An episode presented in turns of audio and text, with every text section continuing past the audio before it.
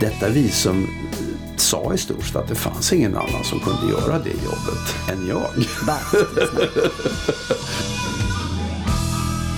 ja men hej och hjärtligt välkomna till avsnitt 11 av Bastusnack.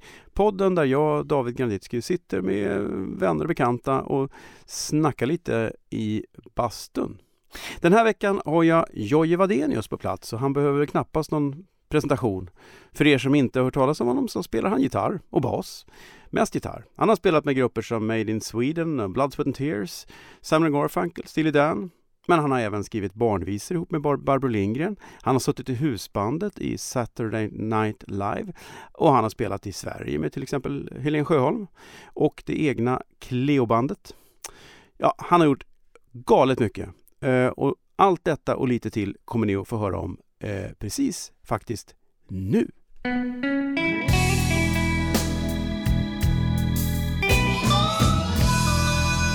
Bastusnack. Men jag säger välkommen till dig, Tack. Jojje Tack. Adenius. Är det någon som säger Georg? Ja, morsan säger väl det fortfarande om hon kommer ihåg mig. Eh, eh, det händer väl, men det, det är mer och mer sällsynt, det är det. I eh, telefonförsäljare. Kan jag få prata med Karl Georg Viktor? Liksom så här. Jag blir i Oslo, alltså det blir den alltså. Ja, och då, då säger man, vad, vad säljer du liksom? Ja, precis. Man hör direkt. Det är inte en gammal kompis. Ja, Tjena visst. Karl Georg. Nej, det är ingen som... Det... Eller hur? Och Ja, ibland så är det ju tjena, tjena Georg. Eller Georg. Du vet, de, Ja. de försöker ju den Ja. ibland. Men nej. Ja, men det är som jag hade en... eh, Häromveckan så hade jag en regissören Hans Marklund här. Mhm. Och då kom vi fram till att det snabbaste sättet att avslöja att någon inte känner honom, det är att kolla vad de kallar honom. För säger de Hasse så vet, de att, så vet man att det där är ingen som känner Hans. Nej, för han nej. är Hans. Han är inte Hasse. Eller hur? Ja, det är bra att ha en sån grej. Ja, alltså. ja. Jag snackade med Georg. Han sa att ni går ner på, ni är med på 200 spänn för det här giget. ja, just det. Nu vet man att...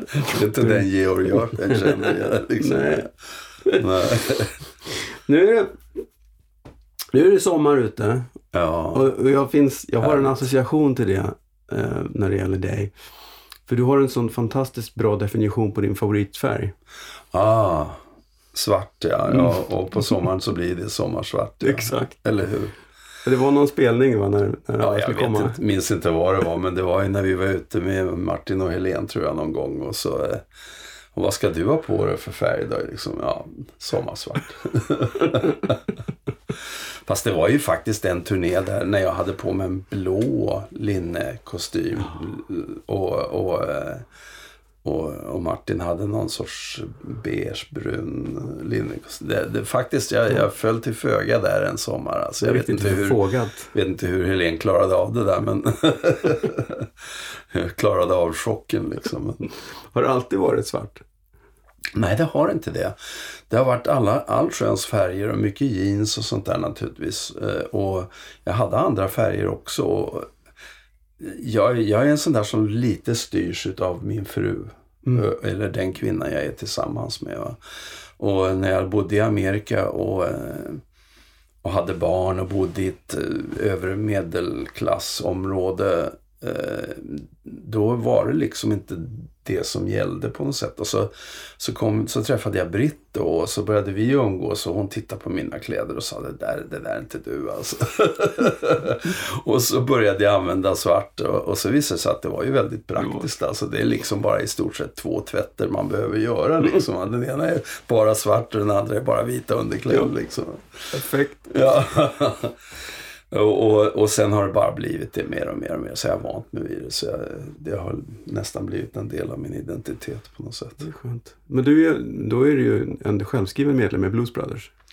Ja, alltså självskriven och självskriven. Jag är i alla fall vikarierande gitarrist då och då. Så, eh, så det, det är ju kul alltså. Det är, det är Och så får jag naturligtvis när jag, när jag gör barnvisor så brukar jag ju tala om för barnen att jag är utklädd till musiker. det är bra. De ser lite frågande ut men alla musikanter jag känner vet ju vad jag menar. Exakt. Bastusnack. Hur kommer det sig att du började spela gitarr? Det, musik fanns i hemmet. Va? Min mor eh, var en otroligt duktig pianist. Eh, både klassiskt utbildad och väldigt intresserad av jazzmusik. Mm.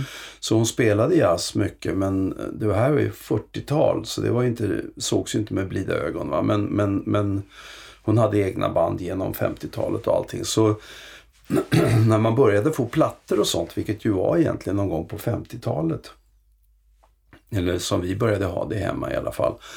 Då var det ju mycket eh, pianister va, som, som låg där på tallriken. Det var liksom eh, Oscar Peterson, eh, Bill Evans, Dave Brubeck. Det var väl de främst som, som morsan gillade mycket. Va?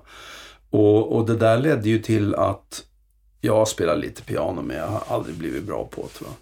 Eh, Men eh, jag lyssnade mycket på Oscar Peterson och jag älskade Ray Browns basspel. Va? Det, var, det var liksom A och O, det basspelet mm, kunde jag bara i, i det satt i ryggmärgen på något sätt. Va? Och sen, sen vet jag inte om det var det där att man skulle träffa tjejer eller vad det var. Men jag var 13 år gammal så bad jag om att få en gitarr bara för att då hade jag hört Dave Brubeck hade ju en eh, saxofonist som heter Paul Desmond. Mm. Paul Desmond skrev den här låten Take Five till exempel. Va? Som är ganska känd och som var en stor hit. Va? Fast det var instrumentalt och jazz och allt. Eh, och Paul Desmond gjorde lite egna plattor och där var en gitarrist som heter Jim Hall som var med. Och Jim Hall spelade så otroligt elegant. Va? Han, han kunde liksom bara med ett par toner måla upp hela eh, vad ska jag säga, hela eh, harmoniken på något sätt. Och, han, och så samtidigt så spelade han de där två, tre tonerna och bröt upp dem på ett sätt som gjorde att det även rytmiskt var intressant. Så det där var spännande att höra. Och då var det liksom att fasen det där skulle jag vilja kolla in alltså hur man gör det där. För det fanns inga skolor på den tiden Mm. som det gör idag. Va? Utan, utan man lärde sig genom att lyssna och genom att få ett instrument och försöka bena ut hur i helsike man fick till det på det där instrumentet. Va? Och eh, jag fick ju lära mig, morsan hade en gitarrist då som visade mig de, liksom, de enklaste greppen på en gitarr. Va? De där som man börjar med för nybörjare. Och sen, men sen hade jag väl egentligen inga lektioner att snacka om. Jag tog några klassiska lektioner mm när jag var 19, 20 eller någonting sånt där. Men eh, när det blev för svåra grepp så började jag så att säga improvisera. Liksom. så att, eh, så, att, eh, så där får man inte säga annars. Som jag har lärt mig den gyllene regeln är att improvisera det gör först när man kan, när man kan sitt instrument i fulländning. Då kan man börja improvisera. man Men du använder det för att mörka. Alltså. Ja, ja, jag gjorde det. Absolut. Så Alltså. du har byggt en karriär på Ja, ja, ja eh, mitt, mitt liv beror... har, liksom att mörka har varit min grej liksom. Vet, det är ju, men det, vet, det har du säkert hört av andra som spelar eller håller på. Att man, man anar ju, man är ju rädd för att man ska bli upptäckt när som helst. Att man är en stor fejk liksom. Men det säger nästan alla. Eller hur? Ja. Det, det, den lever man med alltså. Jo. Nej men då, då i alla fall så fick jag gitarren och började när jag var 13. Och sen bara något år efteråt så kom ju bossanovan. Va? Och det var ju också sån här fascinerande harmoniskt. Och jag gillar harmonier. Jag gillar liksom det här som är idag när det betraktas som en låt. När det är fyra harmonier som går runt, runt, runt. Och så skriker man lite högre liksom när det är refräng. Eller sjunger. De sjunger ju oftast väldigt bra liksom. Va? Men, men låtarna tycker jag är så vansinnigt enformiga. Liksom, va? Bara för att jag gillar när det är mycket mer som händer. När det är mer harmonik. När det är lite intressanta eh, instrumentala grejer som händer bakom och sånt där. Va? Liksom. Och det hoppas jag kommer tillbaka mer. Alltså, det gör det säkert också. Det, Ja, det brukar ju gå cykliskt. Eller hur? Ja. Mm. ja. Det var, Men Ja. det är lite i alla fall det. Sen, sen, sen det roliga, följden av det jag berättar nu, det är ju att eh, eh, på 60-talet, sen på mitten, jag spelade ju elbas då Mm. ganska mycket.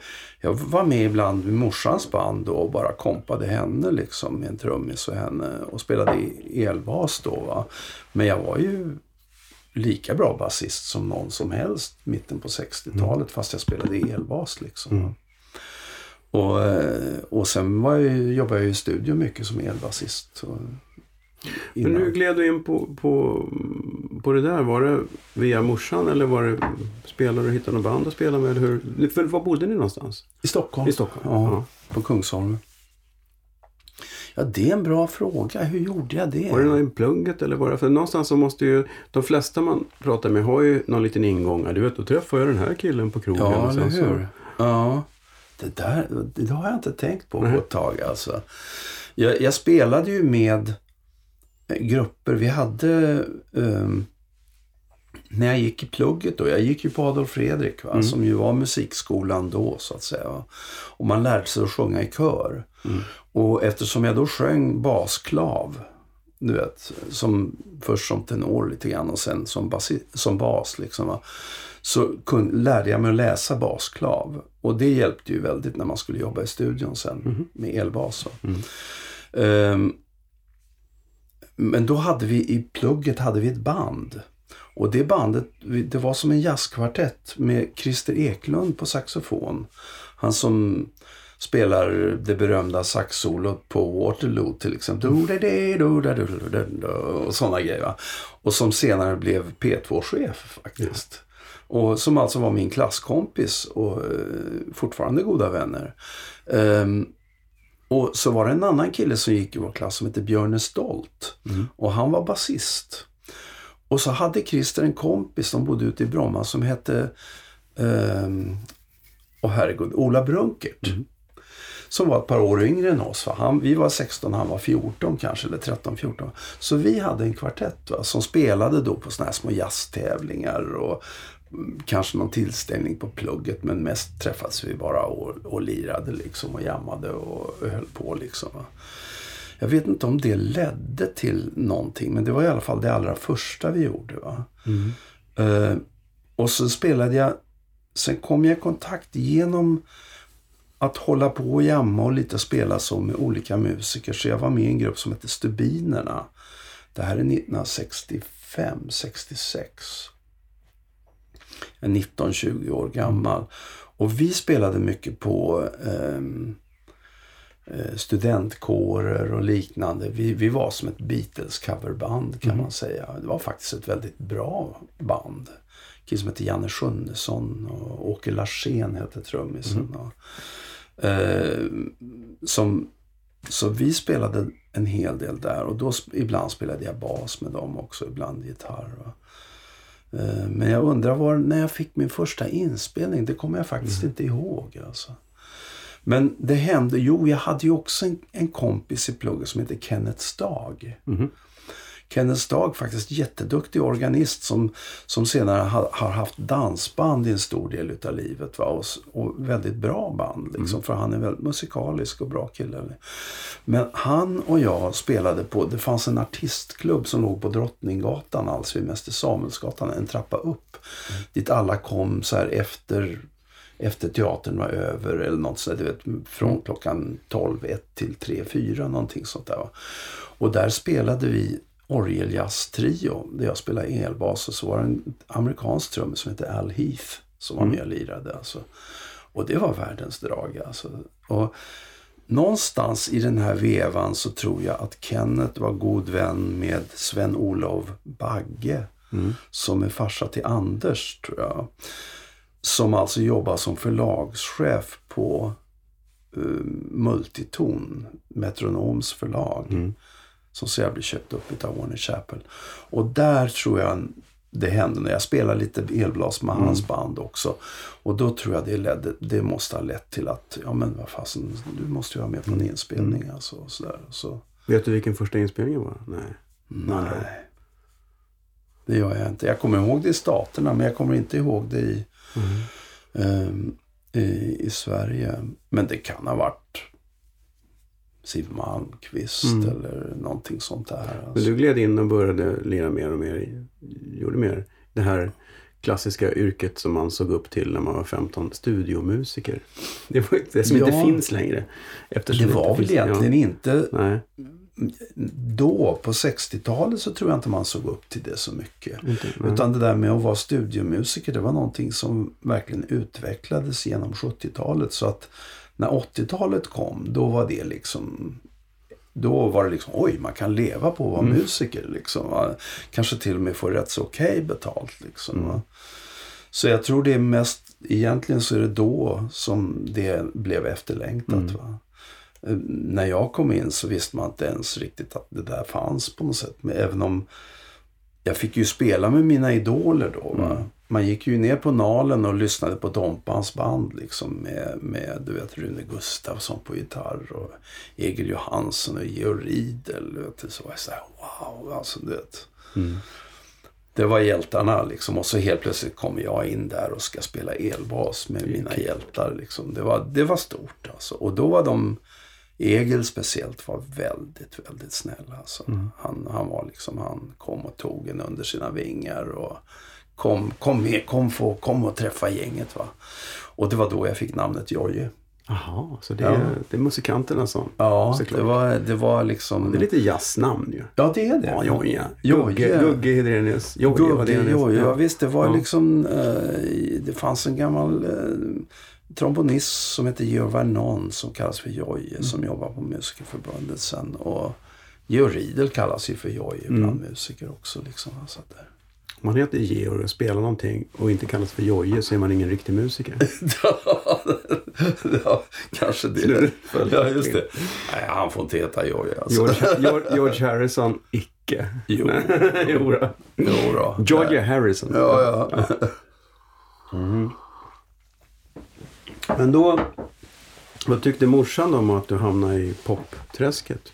Eller det kanske du inte gjorde? Du kanske... Nej, jag gjorde ju inte det. Eh, För jag pluggar ju fortfarande ända, till, ända tills uh, årsskiftet 67-68 pluggade jag ju medicin i tre år. Va, för, eh, innan jag liksom tog mitt förnuft till fånga. Då, liksom. Eller jag tog ju ett, skulle ju ha ett halvår ledigt hade jag tänkt. Liksom, va. Det var första tanken. Mm. Men du vet, det där halvåret, det var ju liksom... Jag känner ju inga pengar att snacka om, men jag hade ju vansinnigt kul. Alltså när det gällde musiken. Va? Personligen så hade jag inte så roligt i livet. Men, men, eh, men jag fick ju spela med en massa bra folk och vara med i en massa kul sammanhang. Och jag skrev musik till en skolteaterpjäs. Och, och då 68, redan när vi var vi nere i Spanien, då bildade vi Made in Sweden. Mm. Det gjorde vi i maj då någon gång. Och sen så var vi nere i Spanien och spelade ett tag och så kom vi tillbaka. Och då hade vi ju träffat Karl-Axel och Monica Dominic. Och då hade de ett par, ett par teaterpjäser där de ville ha med oss. Va? Men vilka var med i. Made in Sweden då? då? Det var eh, Tommy Borgud som kallas för Slim va, på trummor. Mm. Racerförare också? Ja, precis. Han blev ju sån här racerförare och truck racing och höll han på med, med Europamästare ett par år. Uh, Bosse Häggström heter basisten. Va? Som sen spelar med Vasa Express och lite andra grupper. För som jag förstår, Körberg var inte med från början. Nej, han var inte med då. Men han var Men- med som groupie, typ. Eller? Ja, han var, han var med. Han var, han var, vi var kompisar alltså. Och jag Ja. tror det var kanske mera Slim och Tommy som var kompisar då. Men även Tommy och jag var, var kompisar. Och Mm.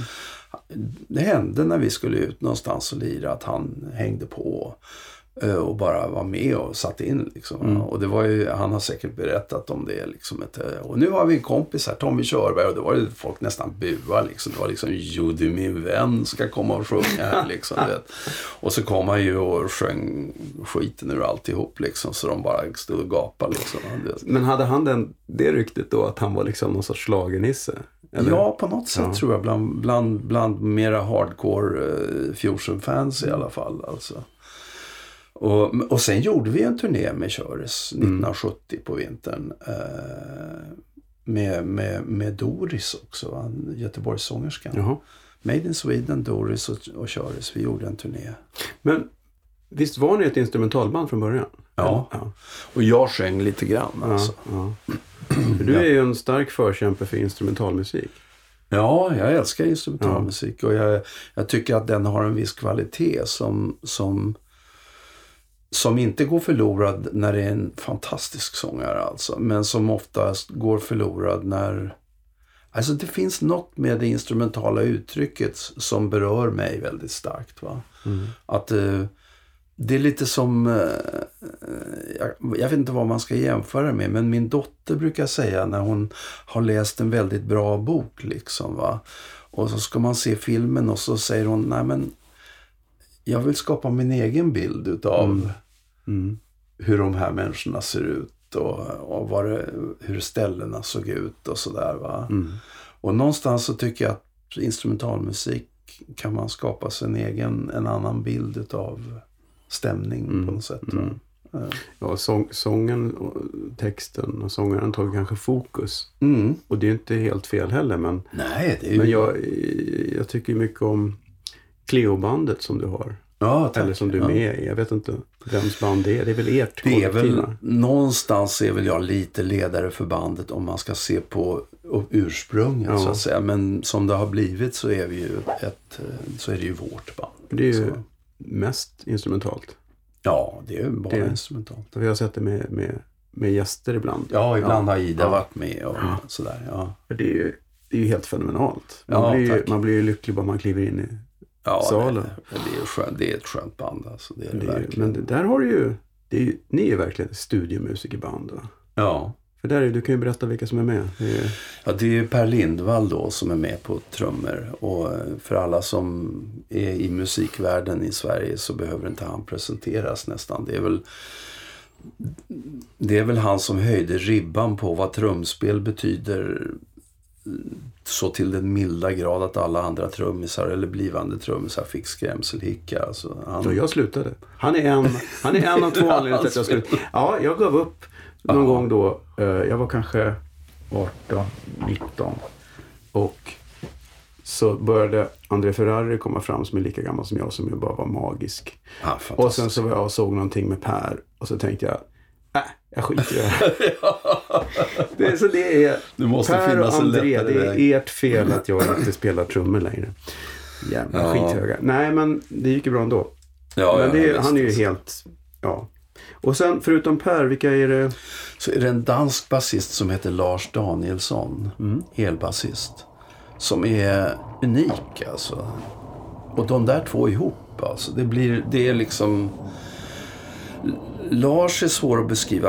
Per vet ju kanske alla om att han liksom är den mest musikaliska trumslagare som finns tror jag. Men- Och, och där med ribban, det är liksom alla hoppar över 1,80 och helt plötsligt måste man över 2,30 liksom. Det, det, det är lite, lite grann den alltså. Eh, Lars är den här basisten som man saknar aldrig grunden men hela tiden så leker han med grunden och gör lite små svar och, och hittar liksom grejer utan att någonsin vara i vägen. Alltså det är helt unikt och väldigt kul att spela med. Alltså. Och så är det Jesper Nordenström då på keyboards som är grym Han är ju, keyboardist. han är ju pojkspolningen i sammanhanget. Ja, han är Ja. väl bara i någon 40-45 någonstans. alltså, du vet. Men han är också en sån där. Och det var när vi satte ihop bandet igen så var det liksom. Det är ganska lustigt det där. För någon gång på 90-talet så var jag med på en liten festival. Den här Mats Rondin, om du minns, om du känner till honom. Han lever tyvärr inte längre. Men eh, en cellist nere i Skåne som hade hade liksom skaffat sig en gård där han hade några åsnor. Så det hette Isidors kulle, hette den där festivalen. Där blev jag inbjuden att spela tillsammans med Jesper så, som jag aldrig hade hört talas om. Och svenske Lars Danielsson var det som satte ihop det. Och Janne Robertsson på trummor som också är en fantastisk trummis. Alltså. Och, och då var det liksom att det var så otroligt lätt att spela med Jesper. Det var liksom vad jag än gjorde, och jag har rätt bra öron sådär så jag lyssnar ofta. Va? Och många keyboardister, va? Det är liksom, de gör så mycket så det finns inte ståplats kvar i mellanregistret. Va? Du vet. Det är liksom, du får det bästa, musiken låter bäst om du låter bli att spela nästan gitarr. Va? Eh, Men, men med honom var det liksom bara känna fram och tillbaka och öppet och wow vad kul det var. Alltså. Och sen har vi inte spelat ihop sen dess. Va? Så när vi liksom då skulle sätta ihop Cleo-bandet igen så har jag, det har alltid legat i bakhuvudet på mig att den där snubben måste jag få spela mer med. Alltså. Så då, då eh, kunde ju liksom inte Stefan Nilsson och, och eh, Peter Ljung vara med liksom när vi gjorde det här igen. Och så då ringde jag Jesper och så kom han med. Va? Och det är ju en lyckträff alltså. Mm. Det, vi har ju skrivit flera fantastiska låtar ihop Mm. också. Det, du vet, där jag har liksom har börjat skriva en låt och gill, liksom, man fastnar ofta. Va? Mm. Man, man hittar en skitbra A-del men vad fan ska man göra sen? Liksom, och så liksom har jag liksom spelat upp den här A-delen för, för, för Jesper och så han bara sätter sig och börjar spela några harmisar Mm. sen. Ja men vad med om vi går hit och hit och så pang dyker upp en melodi i huvudet på mig och så, och så på fem minuter så har vi gjort färdigt låten liksom. Och, och det har varit tvärtom några gånger. Han har haft en idé och jag har slängt in några idéer på Ja, det. men det är kul, ni triggar varandra. Ja, vi triggar varandra. jättekul. Ja, men ibland är det sådana samarbeten Ja. när de är som bäst. Jagger Richards. Ja, eller hur. Lennon McCartney. Ja, eller hur. Ja. va? Ja, Vad det är. Nils Nordenström. Ja, det, det, ja, det är lite så.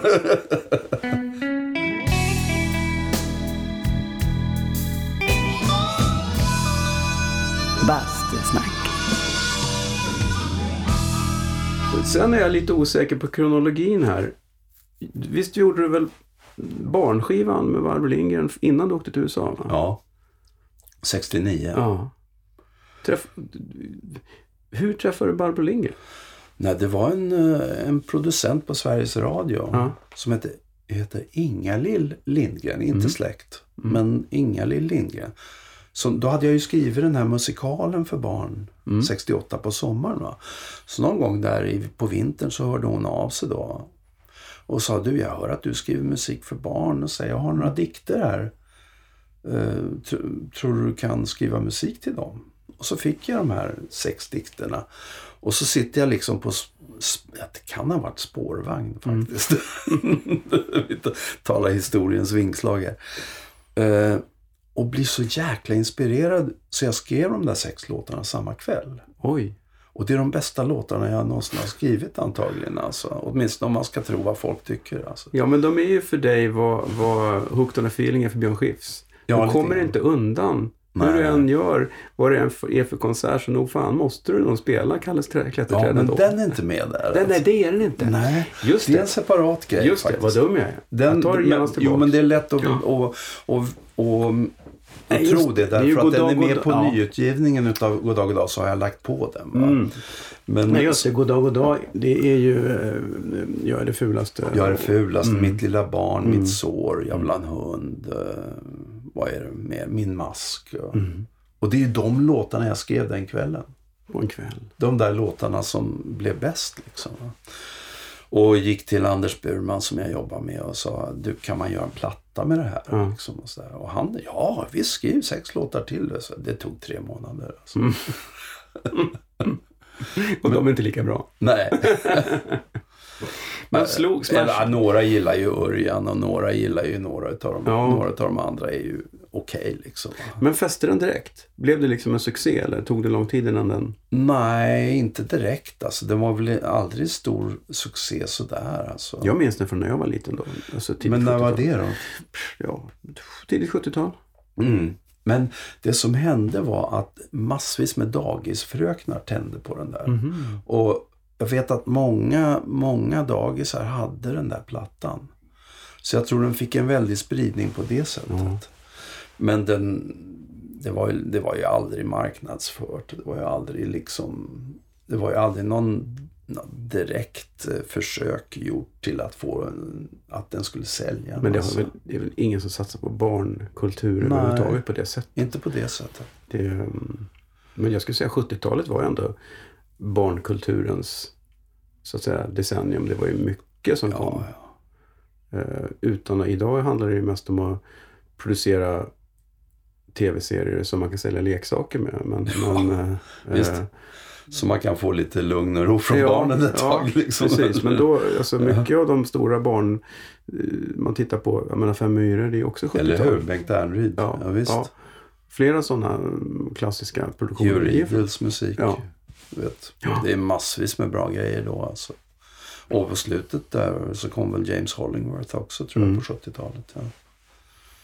Har du jobbat med honom? Ja, vi har ju det. Ja. Vi, vi är jättegoda vänner. Vi, eh, vi sk- gjorde en platta som heter Hajare. Mm. Den snurrar mycket i, i vårt hus. Den gör det. Ja, jag rekommenderar den för um, den generationen som lyssnar på det här som, som har barn nu. Så kolla in den.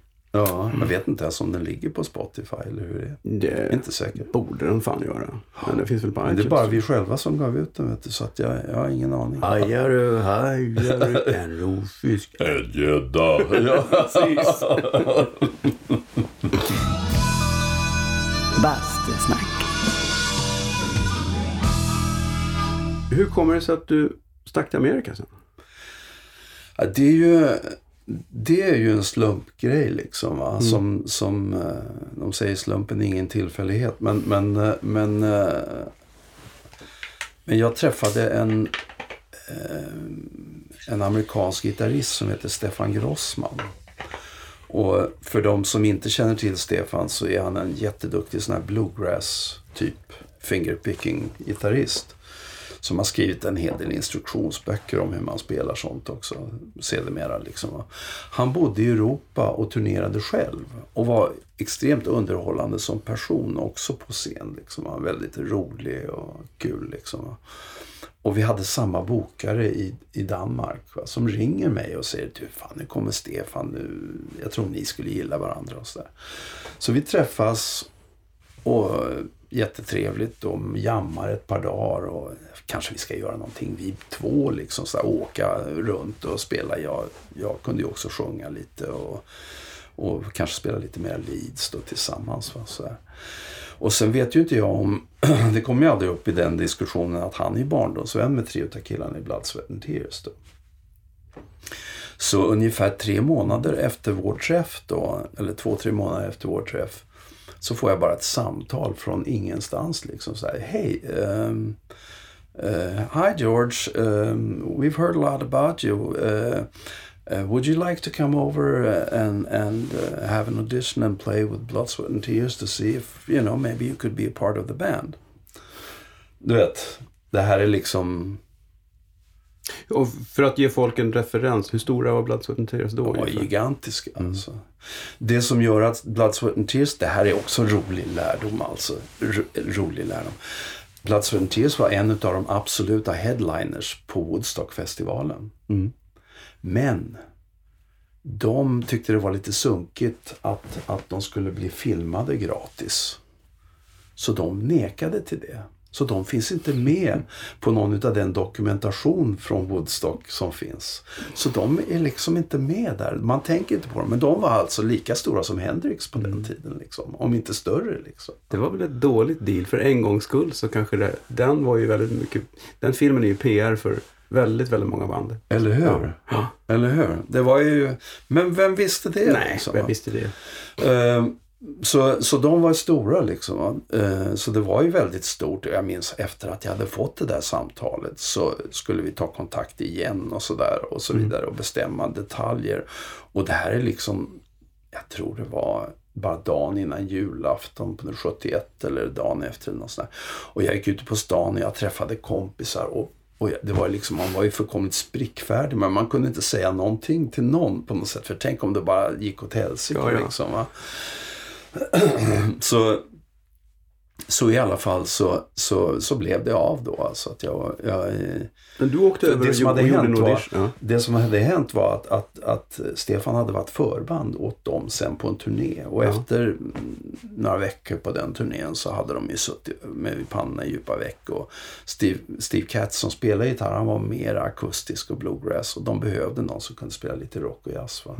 Och då sitter ju han med i det mötet och säger jag vet vem ni ska ha med. och, och, och i och för sig var det rätt tänkt. Va? På den tiden så var jag nog eh, i klass med de bästa någonstans. Liksom, va? Inom den typen av musik som var lite jazz, lite rock, lite sådär mittemellan. Liksom, va? Så det var ju bra tänkt liksom, ur den synpunkten sett. Men, eh, så jag fick liksom, ja, åkte över. Wow. vet, man kommer till New York och liksom shit alltså. Jag har aldrig varit i Amerika Nej. förut. Va? Jag var 26 år gammal eller något sånt där. Så det, Wow. var, det var stort. Men då kastade du fick jobbet direkt? Då? Ja, Nej, eller? först så träffades vi ett par, tre dagar och spelade. Och det funkar ju bra. Och så gjorde jag ju den där grejen som jag gjorde rätt mycket på den, en skattsång. Mm. Och det hade de ju nästan aldrig hört. Och speciellt, jag var, frukt, jag var jättebra på det. Mm. Liksom, va? Eh, Benson hörde mig göra det innan han började göra det. Liksom, va? Jag hörde i och för sig Stevie Winwood och, och Hendrix göra Mm. det innan jag började göra. Så det är liksom, men det, många tror liksom att eftersom jag spelar mer åt Benson-hållet så tror de att jag hörde Benson göra det. Men så är det inte. Han har liksom, va? kopierat dig.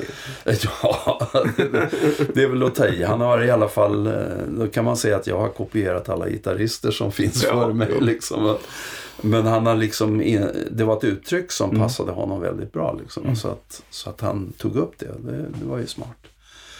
Eh, Men i alla fall, och så spelade vi. Och dessutom var jag väldigt intresserad utav basketboll. Mhm. Jag vet inte hur stor roll sånt där spelar. Men eh, jag, jag hade varit riktigt bra på basket när jag var så där 16-17 innan det blev en krock mellan att spela klockan nio på morgonen och vara ute och lira på någon hak sent på är lördagskvällen. ingen bra grej. Nej. Eh, och Bo- Bobby Colombi, trummisen där, va? han var ju liksom galet förtjust i basketboll. Liksom, va? Så han och jag på dagarna när vi inte rep, spelade och jammade. Vi, hade, vi spelade ju one-on-one liksom och höll på att lira som fasen. Så det är klart, det bygger ju ett, ett band på något sätt. Va? Liksom. Alltså sen, det, det är ju liksom helt löjligt. Efter två, tre dagar så ska de bestämma sig för om jag ska vara med eller inte. Va? Och då är jag med och bestämmer. Jaha. Det var liksom, ja nu, går, vi- nu, nu ska vi bestämma om det. Och det var liksom ingen, sa, ingen som sa så här, hey George, uh, maybe we'll do this. Jag sitter med och tycker, men det är klart att jag ska vara med. Alltså. Då kan man ju säga att du faktiskt redan var med. Ja, på sätt, det var det. Käns- hela känslan var det, att jag var med. Liksom. Men vad hade de för upplägg då? Gick du in och fick någon sorts månadslön då? Eller var det lika? Ja. Eller, det var så? Det var veckolön, Ja. liksom, månadslön. Det var inga, inte mycket pengar heller. Alltså. Men eh, först var det liksom en månad då som vi bestämde att nu, i början av februari skulle vi träffas Mm. och, och börja skriva låtar, jobba på en ny platta och lite sånt där. Va? Och då var många av de gamla med i bandet men det var ju liksom mycket motsättningar i bandet som jag inte kände till alls. Mm. Liksom, som, Men det var ett stort band, mycket folk med. Ja, nio pers. Ja. Nio, tio pers. Ja. Alltså. Fyra blås. Eh, full rytmsektion och, eh, och sångare. Liksom. Men det har aldrig varit någon, hur länge fanns bandet? Var du med hela Det- vägen ut eller? Nej, alltså. Jag var med i tre och ett halvt år och sen eh, kände jag att jag måste bara förflytta mig ur det här. Alltså. Först höll jag på att lämna bandet efter två år. Mhm. Eh, bara för jag kände, det, det finns en, jag har alltid behovet av att hålla på med mycket olika grejer. Jag, det, det händer lätt för mig att om jag bara spelar samma musik för mycket så, så blir jag uttråkad. Liksom. Mm. Jag behöver liksom inte, att kalla det utmaningar är väl att ta i, men bara omväxling på något sätt. Och, och, och jag kände ju liksom att vi fick ju spela Spinning Wheel och And When I Die och alla de där jävla låtarna hur mycket som helst. Och vi spelade 250 konserter om året. Liksom, och reste mycket. Och det var ju... Det blev till slut som ett fängelse på något sätt. Liksom, va? Musikaliskt fängelse, även om det var ett bra band. Liksom. Det fanns inte mycket tid för något annat. Nej, Det var bara- bara- det var inget ja, annat nej, som nej. gällde. Det var helt, det tog all min tid. Eh, Så då la, la jag av ett, någon månad eller sådär och eh, började med ett band, satte ihop ett band med två killar som heter Doug Loban och Jeff Kent. Som eh, tidigare hade haft en grupp som hette Dreams. Som var lite, eh, de hade också skrivit ett par låtar till Blood, Tears. Det var så jag träffade dem. Um, alltså Dreams var ett sånt där band med John Abercrombie och Brecker Brothers och Billy Cobham på trummor. Och, alltså du vet, inget dåligt Nej. band va. Verkligen inte. Innan de gick ut och gjorde andra grejer liksom. Va? Och, eh, och då hade vi ett band ett tag. Men så, men så blev det liksom ingenting. Det föll igenom. Vi hade samma management som Blood, Sweat and Tears. Och eh, eh, när vi skulle få en skivdeal, vi hade gjort en tre, fyra låtar som faktiskt var jättebra. Liksom. Så, så bad om att få så mycket pengar så CBS ställde inte upp på det. Va? Och så sprack hela grejen.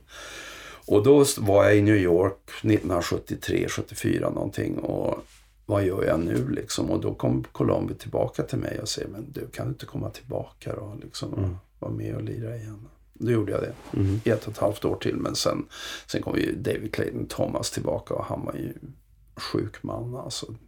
Tyvärr. På, på vilket sätt då? Han är en sån där man som aldrig ska vara inom en kilometers avstånd från kokain till exempel. Och vad håller han på med? Du vet. Eh, Helt fel liksom. Och våldtog kvinnor. Och eh, riktigt schizoid personlighet liksom. Mm. Som var ja, hemsk alltså. Mm. Ja, det förstår jag att det inte... Men det, hur var det då? Så drogmässigt var det ganska liberalt? Det var ju 70-talet, väldigt liberalt men jag kom, även om Made in Sweden spelade ganska out-musik Mm. för den tiden, tidig fusion och sådär så var vi var ju straighta så det var Mm. nästan beklämmande. Alltså. Ja. Vi drack ju knappt öl. Alltså, Nej. du vet. Vi, var, ju- alltså, vi, var, ju- vi var bara inte intresserade Mm.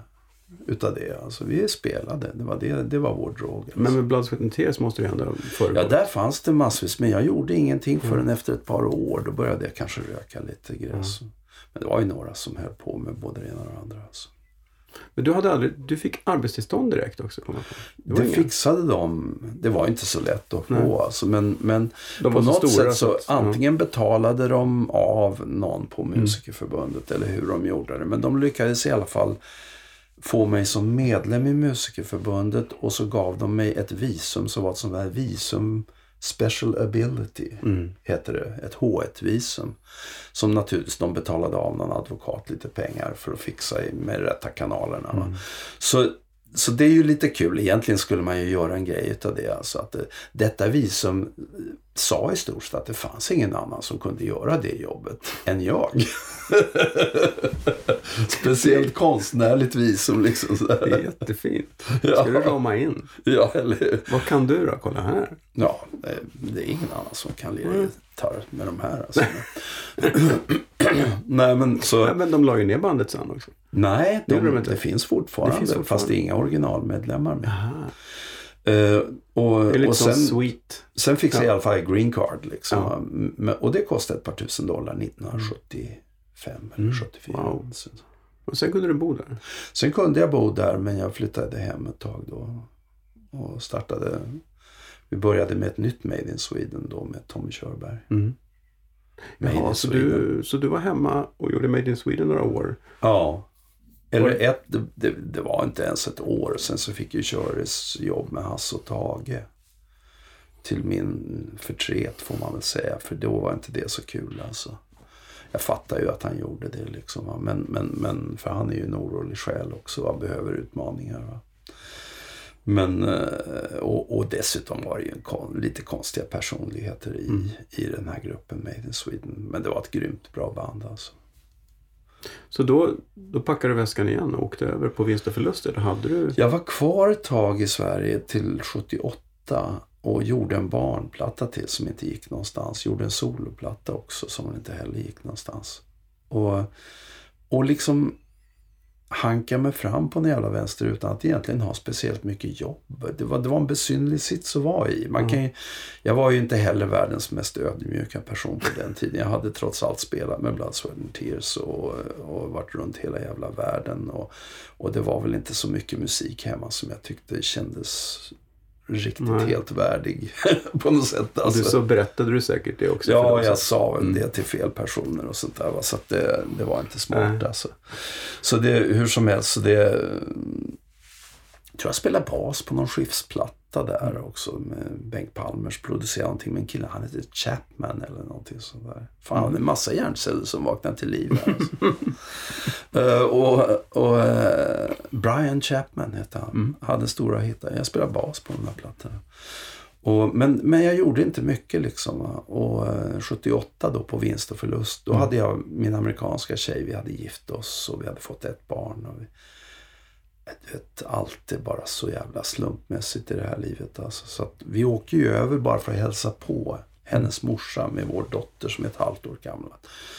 Går förbi en annons, liksom att lofts, som, du vet sådana här vin, loftvåningar, Mm. du vet stora lokaler, lagerlokaler som ska fixas upp på Union Square. Bestämmer oss där och då för att fixa upp en sån där och flytta till New York. Har inget jobb, Tjoff, har inget... Hon trivdes inte så mycket i Sverige. Hon, även om vi hade, precis mot slutet började vi träffa lite kompisar, några vänner som, du vet som Fredrik och Paula här till exempel. Va? Och, och precis sen ett halvår sedan när vi flyttade så var det liksom att, var det här en bra idé?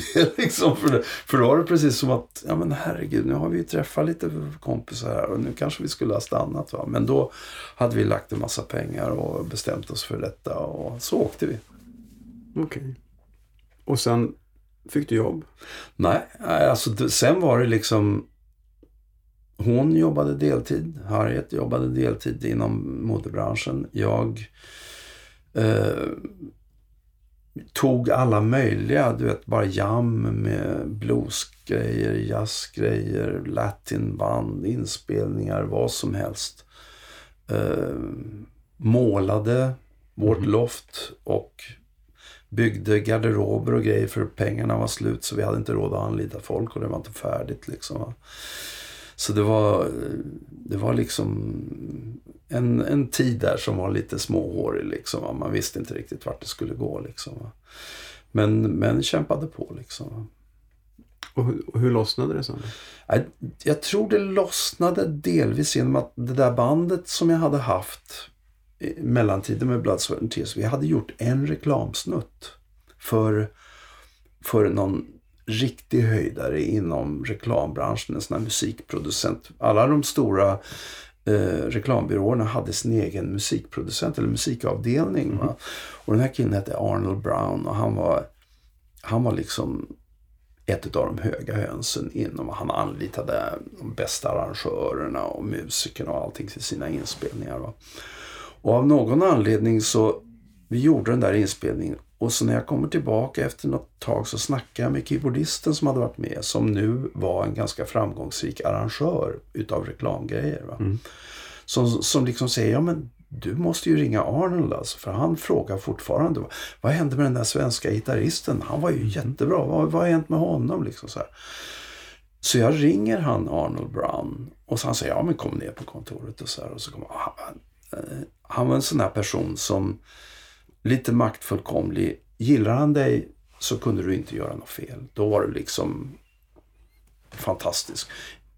Hade han av någon anledning gillade han det inte tjejer hade han väldigt svårt för. Va? Musiker liksom. Alltså man kunde ibland vara, uppföra sig som ett totalt svin emot. Va? Men, eller till och med gitarrister som jag hade rekommenderat helt plötsligt. Nej, jag vet inte vad det är för fel på den där. George, stanna efter så fixar du hans grej och sådär. Mm. Killen han lirar skitbra liksom. va. Ehm, men han gillade mig alltså. Och så berättar då för mig, nu ska du tillhöra den här telefonservicen för den, du vet alla, vi ringer dit och de ringer dig och sen när du kan så tar du ett jobb eller inte och så funkar det liksom. Och så, ja, ja okej, ja visst och så gjorde jag det då men visste ju fortfarande inte riktigt vad jobbet handlade om sådär va hade ju min musikalitet liksom. Alltså jag kunde funka i väldigt många olika sammanhang och var snabb i huvudet och sådär va. Men läste inte sådär jättebra på gitarr och sådana grejer. Så ringer han då liksom nästa vecka och säger du nu har vi en inspelning här som jag vill att du är med på. Okej. Och då är det liksom en lite countrygrej så här. va. Och vilka som är med där det är då liksom Eric Weisberg och eh, vad heter han? Charlie Brown. Va? Det är de killarna som lirar på Den sista färden. Va? Banjo och gitarr. Va? Jätteduktiga och världens snällaste och godaste killar. Liksom, va? Så där kommer jag liksom med en akustisk gitarr. Och, och, och lyckligtvis så, så var jag inte arrogant och, och då, utan då var det liksom okej alltså det här är första gången jag gör det här. Vad gör jag för någonting liksom? Och de var liksom, nej men spela harmisarna du bara så fixar vi resten liksom. Och, och det gick ju jättebra. Jag satt och harvade lite 16 delar eller någonting sånt där. Eller, vad som skulle till va. Och jag läste ju harmonik och sånt där bra va. Och de spelade och det, det funkar bra. Ja. Så gick det, så nästa vecka så där så fick jag ett jobb till med dem. Samma som där. Va? Och några andra, några andra jobb. Så, här, så det började liksom flyta på lite grann. Va? Och sen så fick jag ett jobb då. Och han Arnold Brown då också. Han ringer ju runt till arrangörer vet du. Han bokar ju dem och allihop mm. Ni måste höra den här nya gitarristen som är i stan. Fantastisk snubbe alltså. Honom måste ni bara ha med. Va? Och då är det en ganska tung arrangör som ringer mig. Mm. Och in kommer jag vet du, vet, och det är ju bara noter överallt. Och jag är liksom så här, vad i helvete. Du vet. Och försöker lära mig, försöker få in det här snabbt. Men gjorde ju inget bra. Han använde aldrig mig sen. Ah. Alltså. Men, men, eh, men sådana grejer va. Och då insåg jag att shit alltså det här, det här går inte. Jag kan inte, jag kan inte bara liksom mörka. nu är det slut. Nu blev jag avslöjad. Och då liksom så, så råkade jag träffa då Lou Soloff, vän från Blood, Sweat and Tears. Och jag sa det, jag måste ju lära mig att läsa. Liksom. Och Lo och jag hade ju jobbat ihop så han visste ju att jag hade skitsnabb mm. uppfattning. Liksom. Hörde jag en grej en gång mm. så kunde jag den sen. Mm. Liksom, men, men han gav mig en trumpetövningsbok. Va? Mm. Och så sa han, varje dag spelar du igenom en sida. Det kanske tar, för honom tog det ju två minuter. Liksom. Mm. Det kanske tar en timme, det kanske tar hela dagen. Men gå aldrig tillbaka. För han visste att hade jag väl lärt mig det mm, så, satt. så läste jag inte längre. Nej, just det. Och, mm. och, och så nästa dag, då, så nästa sida, nästa sida. Och det där gjorde jag en månad. Va? Och sen så började jag hitta vad prickarna var rätt bra. Jag är fortfarande inte jättebra på att läsa sådär. Va? Men sen så lärde jag mig då att när jag hade inspelningar eh, jag kom alltid 5-10 minuter tidigt. Va? Mm. Och då brukar ofta noterna ligga ute. Va? Och då gick man in och så tittade man och där är det liksom några, ett och annat katastroftillbud. Och liksom så här, du vet, med, där jag ska dubbla trumpeter eller någonting med världens distljud och sådär. Jag spelar på massvis. Jag spelar på alla sportgrejer. Va? Från, från Olympic Games till, mm. eh, till eh, National Football League till eh, her, her, heroisk gitarr som dubblar blåset. Liksom.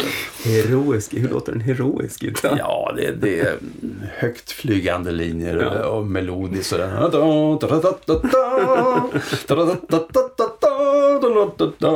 Du vet, med världens jävla distljud. Alltså och det var en väldigt bra skola för du kan inte böja strängar allt för mycket när du ska matcha trumpeterna. Nej.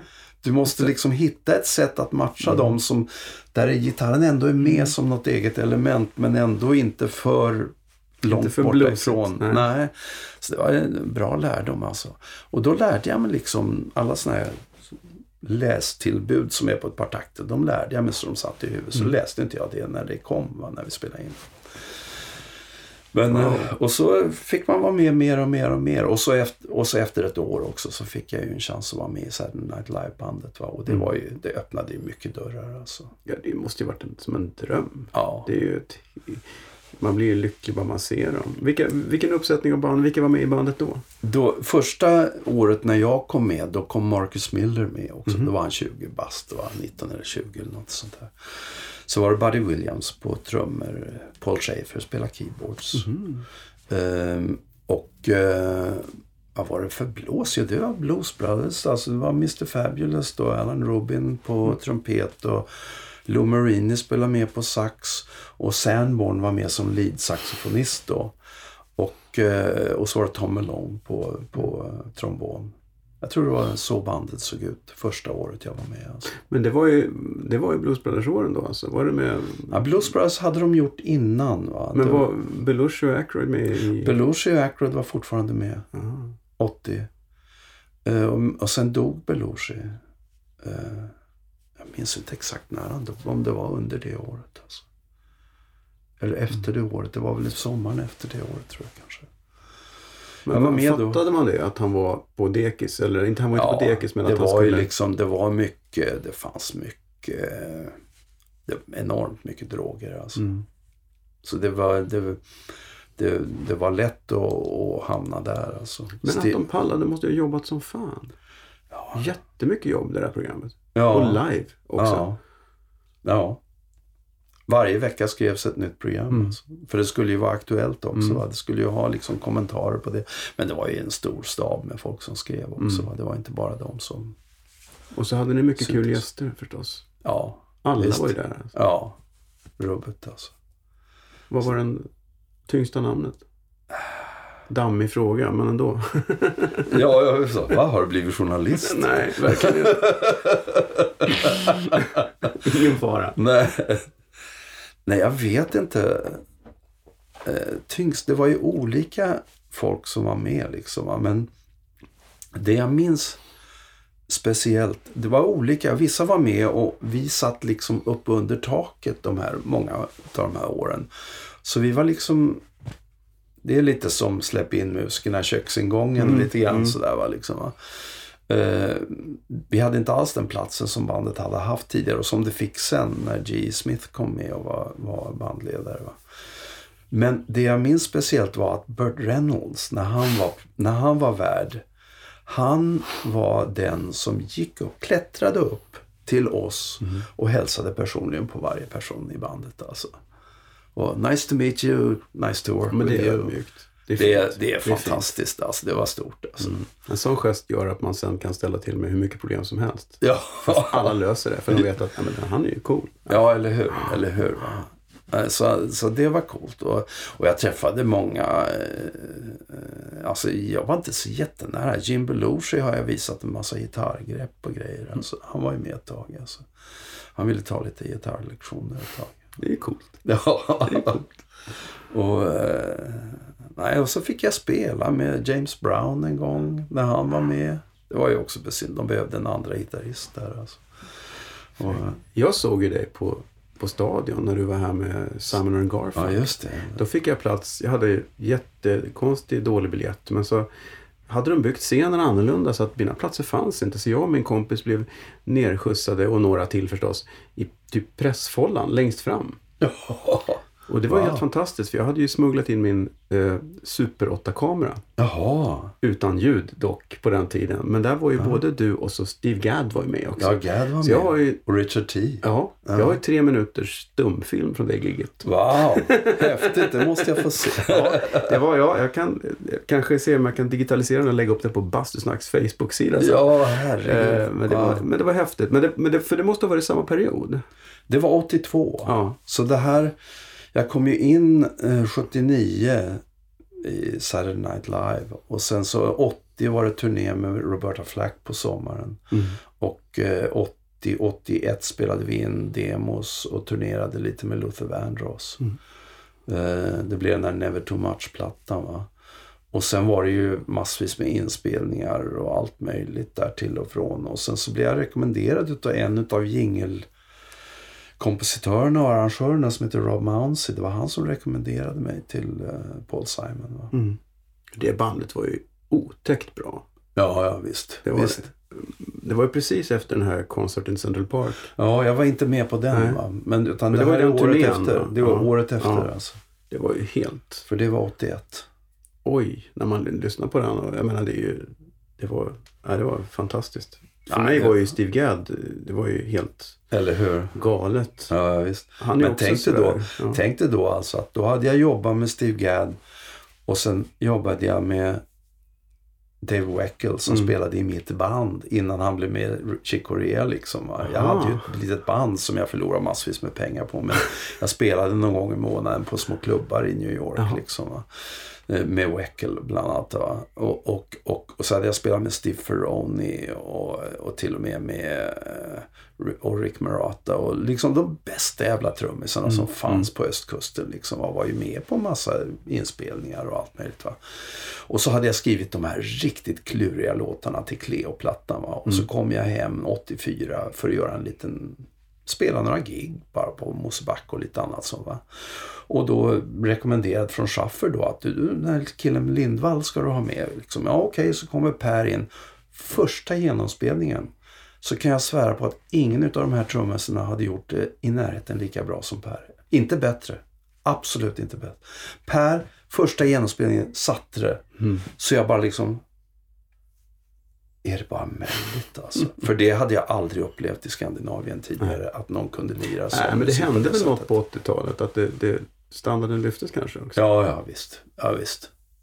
Men du vet, jag vet inte om du kom, kan de där låtarna. Gilly Sos och liksom Mm. sån här, du vet, de är skruvade som fan alltså. Du vet, både rytmiskt och harmoniskt och allt möjligt alltså.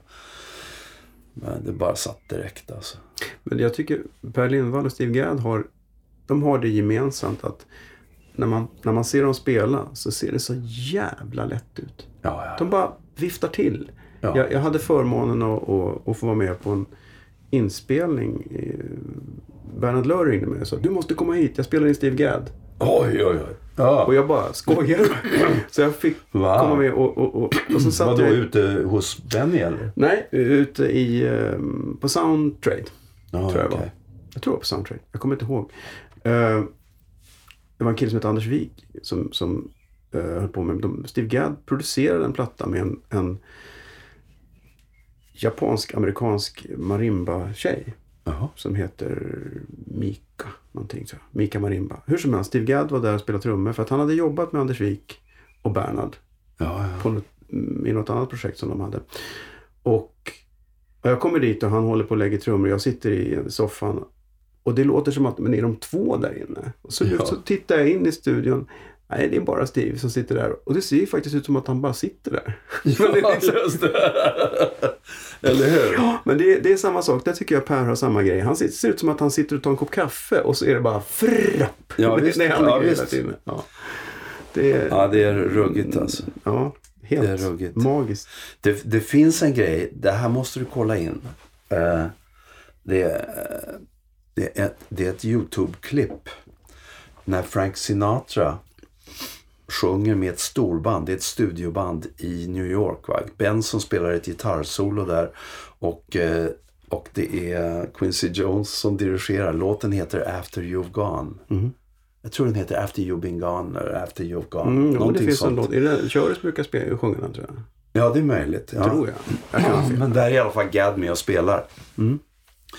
Och du ser liksom, det är liksom det är fem, sex sidor så här med noter med bara prickar överallt. Och han sitter och tittar så här vet, och bara lirar. Vet, du, och, det, och jag lovar dig, det är, inte mer, det är säkerligen inte mycket mer än första eller andra tagningen. För Sinatra gjorde aldrig mer än en tagning nästan. Vet du. Och det sättet som de lirar på det här, det är liksom...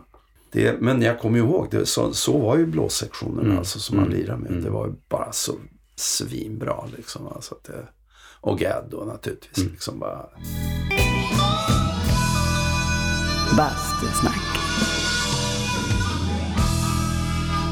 80-talet, vi pratade lite om det förut, det här med studiemusiker och jag, jag vet att jag höll ju på att kämpa och gick slagverkslinjen och spelade och läsa, läsa, läsa och så visste man att myten då var att ja men om du inte sätter det på första tagningen så har du inga jobb. Då är du körd. Du måste alltid göra det. ja. Eh, sen när jag så småningom satt i någon studio med i andra sammanhang några år senare så förstod jag att det var ju inte riktigt så. Men, Nej. men, men det var ju också den här, det var ju två myter. Dels var det här att eh, du måste sätta det direkt och kunna allting av vista läsning. Och det andra var att om du, för det kommer jag ihåg att någon sa, ah, du vet Jojje han, han vågar aldrig åka till Sverige för han är borta två veckor så han har inga jobb. var det så? Eller? Nej, fullt så illa var det ju inte. Men du kunde inte vara borta ett par, tre månader. Nej. Alltså. Det var någon ny. Det, det såg jag ju. Buddy Williams spelade ju med både Roberta och med, med Benson. Eh, något, men då var det kanske något år. Va? Och sen när han kommer tillbaka så är det ju liksom... Från början nästan. Från, Inte helt från början. Va? Men, men, men, eh, men det var... Det, det fanns en risk med att vara borta för länge. Va? Jag blev ju erbjuden att åka ut med Paul Simon i sex månader efter den här turnén. Men då hade jag dels också två tjejer som var två och fem år gamla. Va? Och, och dessutom så hade jag någonstans i bagaget med mig att när min morsa, när jag var fyra, va, så drog min morsa i nästan ett år för att studera piano i Paris. Fast jag hade ju ingen farsa liksom. Va? Men Så vem tog hand om dig då? Ja, min mormor och morfar. Jag var parkerad där alltså. Så, så någonstans så hade jag med mig att ska jag göra detta mot mina barn så ska det kosta jävligt mycket. Alltså. Mm. Så jag bad ju att få svinaktigt bra betalt och det fick jag ju inte. Du, du är ju samtidigt den som har myntat begreppet att om man aldrig ber om mer betalt så får man det inte. Nej, det är sant. Apropå dina Ja. kollegor i New York som inte vågade begära mer betalt Ja. för att de var rädda att sumpa jobb. Nej, det, det jag fick höra från de som hade varit med ett tag, det var liksom att sätt, sätt en nivå på vad du ska ha betalt. Va? Du kommer inte att få ett par jobb, men när de har pengar, då ringer de dig. Bastusnack. Sen åkte du hem. Ja, eh, det, det, det var ju inte så... Vår, vår relation hade väl gått i stå och sådär. Alltså jag och Harriet. Va? Så att, eh, och så hade vi barn och så var det mycket tryck. Och sen kommer vi upp mot 87, 88. 1987, 88 alltså. Och så, eh, och så kommer datorerna in och så kommer syntarna in. Och istället för att göra 15-20 inspelningar i veckan så har man nu helt plötsligt 5-10 i veckan. Och man ser att det går bara åt ett håll. Liksom, va? Dessutom varje år så kommer det x antal tusen gitarrister till New York som är svinbra och som vill ha jobben som man har. Och deras kompisar som nu blir producenter och arrangörer. Och, så man ser ju liksom att okej, this is not gonna, det här kommer inte att vara för evigt. Va? Det visste jag i och för sig tidigare. Va? Men, men, så då började jag komma hem mer och göra lite grejer i Sverige. Kan säga från 90-talets början. Va? Mm. Började, jag, började jag göra det och så sprack det mellan Harriet och mig och så träffade jag Britt i den vevan. Och, och, och så var jag väl kvar. Det var en lång crossfade hela 90-talet kan man säga. Från att ha bott i Amerika till att flytta till Oslo. Vi fejdade ut ur det amerikanska Fejdade ur. Amerika och fejdade in Ja. i Norge liksom på något sätt. Men du kom in där som producent ganska snabbt va? Ja, jag vet inte. Jag, jag producerade väl inte så mycket förrän i slutet på 90-talet. Ja, det var slutet. Ja. Ja. Ja, det- bland det första jag gjorde när jag kom tillbaka det var ju att producera en platta med Lisa Ekdahl. Mhm. 97 eller någonting sånt där. Den heter Bortom det blå. Mm. Jättebra platta alltså, tycker jag. Jag är jättestolt över den alltså. Och, eh, och sen så började jag också få kontakter då i, i Norge där jag producerade lite plattor.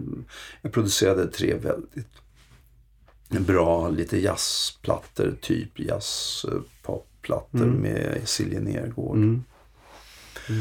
Eh, och lite annat med en artist som heter Jan Eggum och med en artist som heter eh, Sigvart Dagsland. Fantastisk sångare och låtskrivare. Och eh, Anne-Grete Preus. Mm. Lite sånt. Och, och så, men sen, sen har jag ju mer eller mindre slutat producera därför att den musiken jag, jag gillar eller som jag kan producera som är mer byggd på, på akustiskt Mm. Spel. Liksom, Mm. va. Det är väldigt svårt att, att finna ekonomi i Mm. det. Alltså. Dels så kräver det ju att man är x antal dagar i studion och Mm. dels så kräver det x antal för att mixa och mycket folk involverat med kostnader Mm. och, så vidare. Och, så vidare. Och, och budgeterna har ju gått från att vara kanske 400-500 000 runt 2000 eller och då till Mm. att nu får du kanske en 100 000 för att göra en platta. Mm. Vad kan du göra liksom? Det, Nej, det går fort åt. det är väldigt begränsat Mm. alltså. Så, så, så då har jag i stort sett bara producerat mina egna grejer. Eller några grejer. När var det vi gjorde Visorplattan? Var det 2002 eller 2003 eller någonting sånt? Mm, ja, Det måste inte. vara där Ja, någonstans. någonting sånt. Den är jag också extremt Mm. stolt Mm. över. Alltså, skitbra platta alltså. Den gick ju bra också. Ja, den gick ju bra. Det sålde ordentligt. Ja. Det var, det var en väldigt fin platta att göra.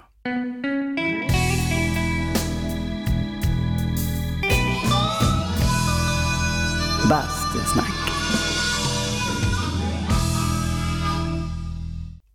Har du någon connection med, med USA idag förutom barnen? Eh, inte så mycket alltså. Mm. Jag har ju, den musiker jag har mest kontakt med det är väl Lou Marini. Mm. Vi har ju hållit kontakten och vi gjorde ju eh, jag tog ju över eh, Marini och, eller vi ska jag säga, tog över Marini och Soloff. Och kallade oss för The New York Connection. Mm. Och gjorde ett par turnéer. Och sen så dog ju tyvärr Soloff. Mm. Eh, så att, eh, efter det har jag också spelat ett par gånger med Blues Brothers. Bara hoppat in när, när John Tropea inte har kunnat göra Mm. det. Eh, och så håller vi kontakt. Vi träffas alltid när jag kommer över. Och är han i Europa i närheten så kommer, försöker jag hälsa på honom. Mm. Men, eh, men annars är det inte så mycket musikervänner som jag har kontakt med. Jag har några nära vänner som inte är i branschen. Liksom. Mm. Men nu bor du omväxlande i Oslo, Stockholm och Nice. Jag bor i Oslo. Alltså. Ja. vi har en lägenhet i Nice och vi åker ner när vi kan. Ja. Tre, fyra gånger om året. Eh, Stockholm är mera en övernattningsgrej. Liksom, va. Att jag, jag har en liten, liten lägenhet som, som jag delar med en tjej som bor hos sin kille när jag behöver den. Så att, så att det, och det är ett väldigt, väldigt bra, bra lösning. Alltså. Så att eh, det kostar mig väldigt lite att ha den och, och hon får en väldigt bra deal också. Mm. Vad, vad, vi snackade om eh, att dagens musik är så tråkig och, och för lite harmisar och sånt. Men finns det någonting idag, det nya som du lyssnar på? Nej, egentligen inte som jag kan sådär. Va? Men, men alltså jag, jag är helt övertygad om att det finns fantastiska musikanter, låtskrivare runt om i landet. Va? I Norge finns det hur mycket som helst och de syns. De får synas, de får plats i media, de får plats på festivaler, de får plats i alla möjliga sammanhang. Och jag tror det är där skon klämmer i Sverige. Att de riktigt lite udda, annorlunda men ändå grymt, som jag då tycker är grymt bra Mm. grejerna. De får inte vara med liksom. Va? I tv eller, eller radio eller, eller kanske de stora bokningsbolagen vill inte satsa på dem för det inte är tillräckligt med pengar i det. Liksom, va? Och, och så blir de inte med då. Liksom, va? Ehm, kulturellt så upplever jag också att det satsas helt åt helvete liksom i Sverige. Va? Man bygger två stora jävla arenor för att ha mega-event. Va? Samtidigt som man sen kräver att Fasching ska betala någon sorts jävla marknadshyra i stadens fastighet. Liksom, va? Vad fan är det för kulturpolitik alltså? Va? Så att det, det liksom, de går ju på knäna hela tiden bara för att försöka få det att gå ihop. Men sen kan det satsas hundratals miljoner på mega-event. Liksom, va? Det är sjukt alltså. Eh, tycker jag.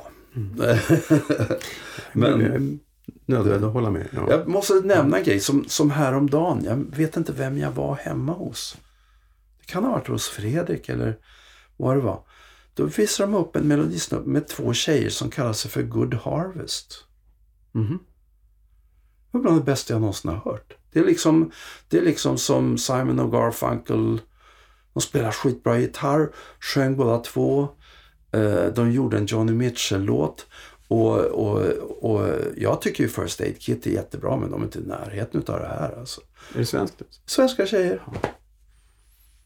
Alltså så det finns. Good va? Harvest. Och det, Sen vet jag också att du har ett svagt öga till, det är ju inte populärmusik idag, men det är ju gårdagens populärmusik. Men han är ju framförallt en galet ekvilibristisk instrumentalist och det är ju Emil ja, Ernebrook.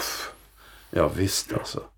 Han spelar ju sån här fingerstyle picking gitarr va? och jag fick ju jag råkade, bara, råkade på honom när han var 22 bast. Va? Och man får ju, alltså bara att det går an att spela så på en gitarr, det är bara helt ofattbart. Va? Och då blev ju vi vänner liksom. va. Och så, det var ju då eh, jag frågade Emil och frågade Helen, vi skulle spela då nere på västkusten. Jag sa, du är det okej om en kille gör lite, några låtar före oss? För jag tänkte den här killen behöver få exponering liksom. Va? Och det var ju Helen med på liksom. va. Så blev ju, blev ju de vän, vänner också naturligtvis liksom. Och, äh, sen har vi spelat en del till och från och sådär. Han, är ju, Ja. han lägger ut små videos ibland på Facebook och man tänker, han bara sitter och Nej, jag tänkte prova lite grejer. Och så, så är det helt galet. Ja, här, ja. Nej, det är allt från de här flageoletterna han kan Ja. spela och till svänget liksom. Va? Och, eh, nej, det är hur sjukt Ja, ja. bra som helst. Man, man sitter och tittar, ja, men är det två? Har, är det liksom en stämma till som han har spelat in Ja. innan här? Nej, han gör allting själv hela tiden. Ja, Det, ja. ja, det är otroligt.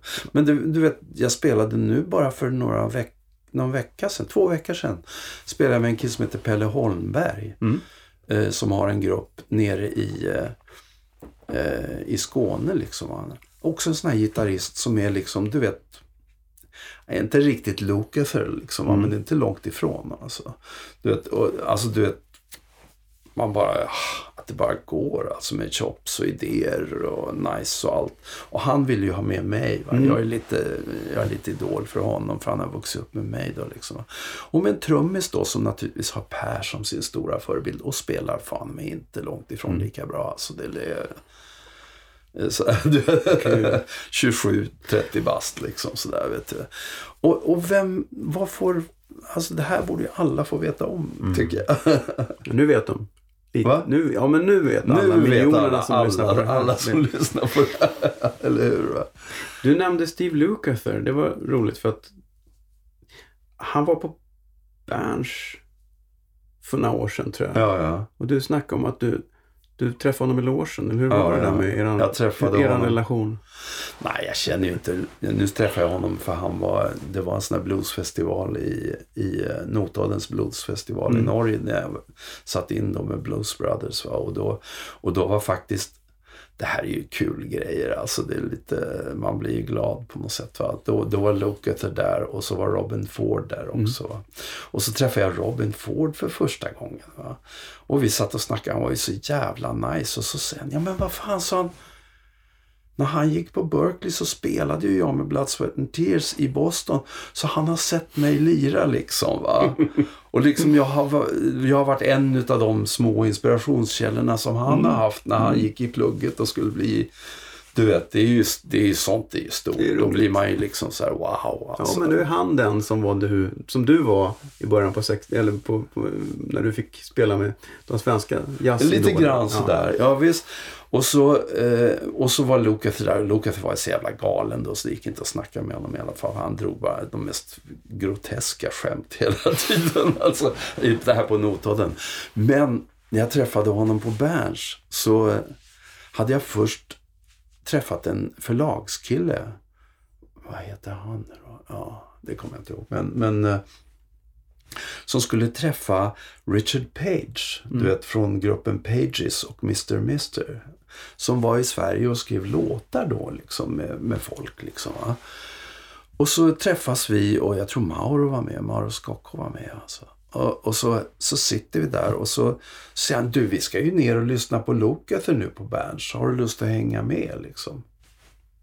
Det har man ju. Det har man ju.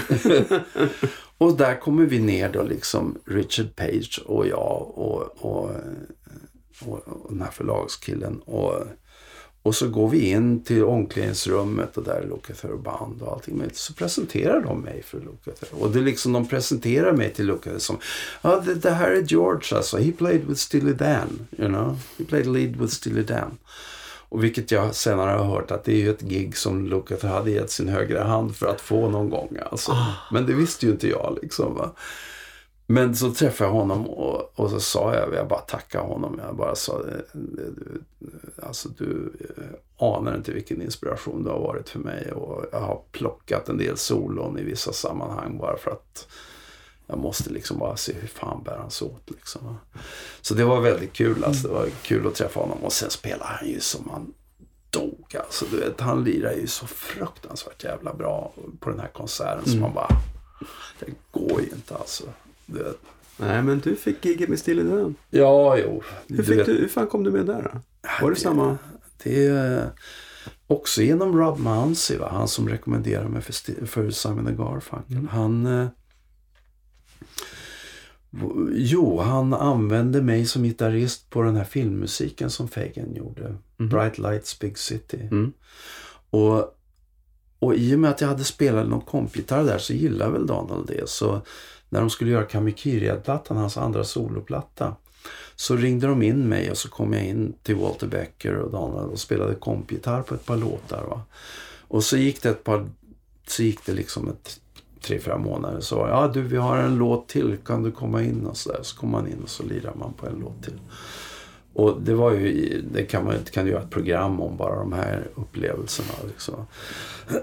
Man träffar ju inte dem liksom. Mm. De sitter liksom, de bara helt intresserade. Ja, du, du är lite före där, du är lite efter. Du är lite liksom, Mm. ja det är kanske lite busy nu alltså. Försök att hitta något lite, du vet så här. Och så när man hade gjort en perfekt tagning Mm. i sina egna öron va.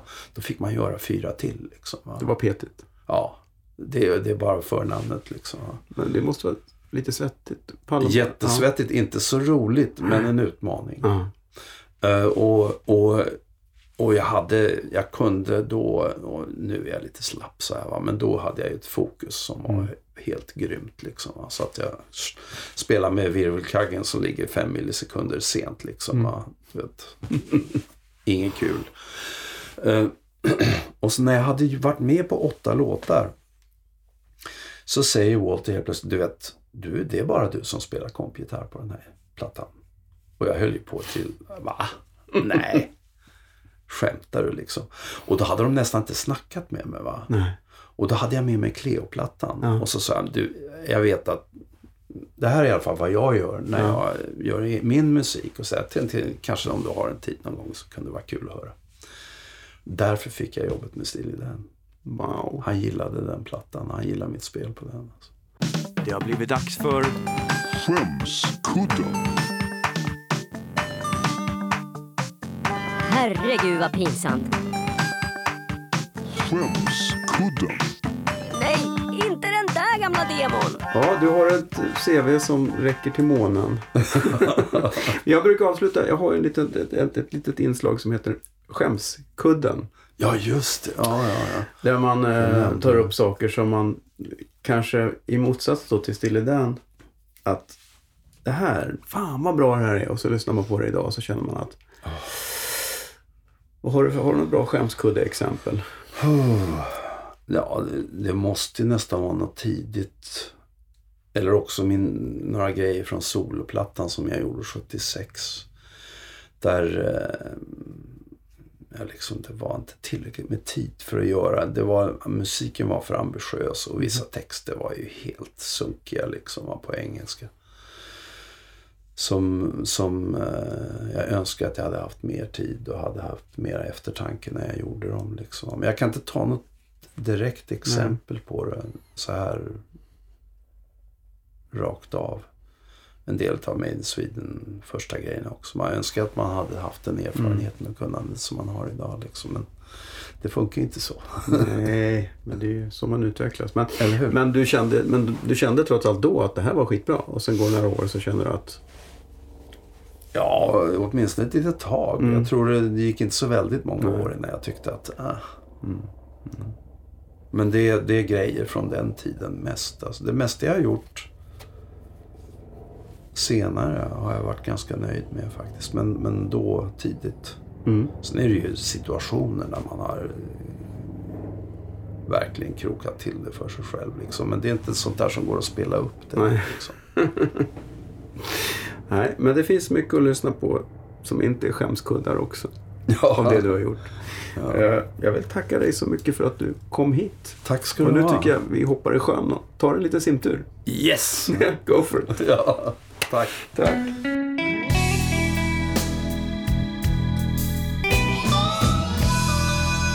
Bastusnack. Ja, och där drog Jojje iväg sen till ytterligare ett av sina miljoner jobb. Den mannen jobbar ju hela tiden. Vi pratade en del om basklav i början av podden. Basklav är ju då eh, den lägre motsvarigheten till G-klav. Ni får eh, googla allt tillsammans, men det har att göra med notsystem och hur man läser dem. Vidare så glömde han ju att nämna att Ola Brunkert som han spelade trummor med i början, han spelade ju faktiskt trummor med ABBA så småningom också. Filmen med Simon Garfunkel på Stadion har jag ju tyvärr inte hittat än, men jag vet att den finns någonstans och så fort den dyker upp så hamnar den givetvis på Bastusnacks Facebook-sida. Där kan ni gå in och skriva om ni har synpunkter. Ni kan mejla mig också på bastusnack.popfabriken.se Ja, det var allt för den här gången. Jag återkommer om en vecka med en ny spännande gäst. Basta försiktigt!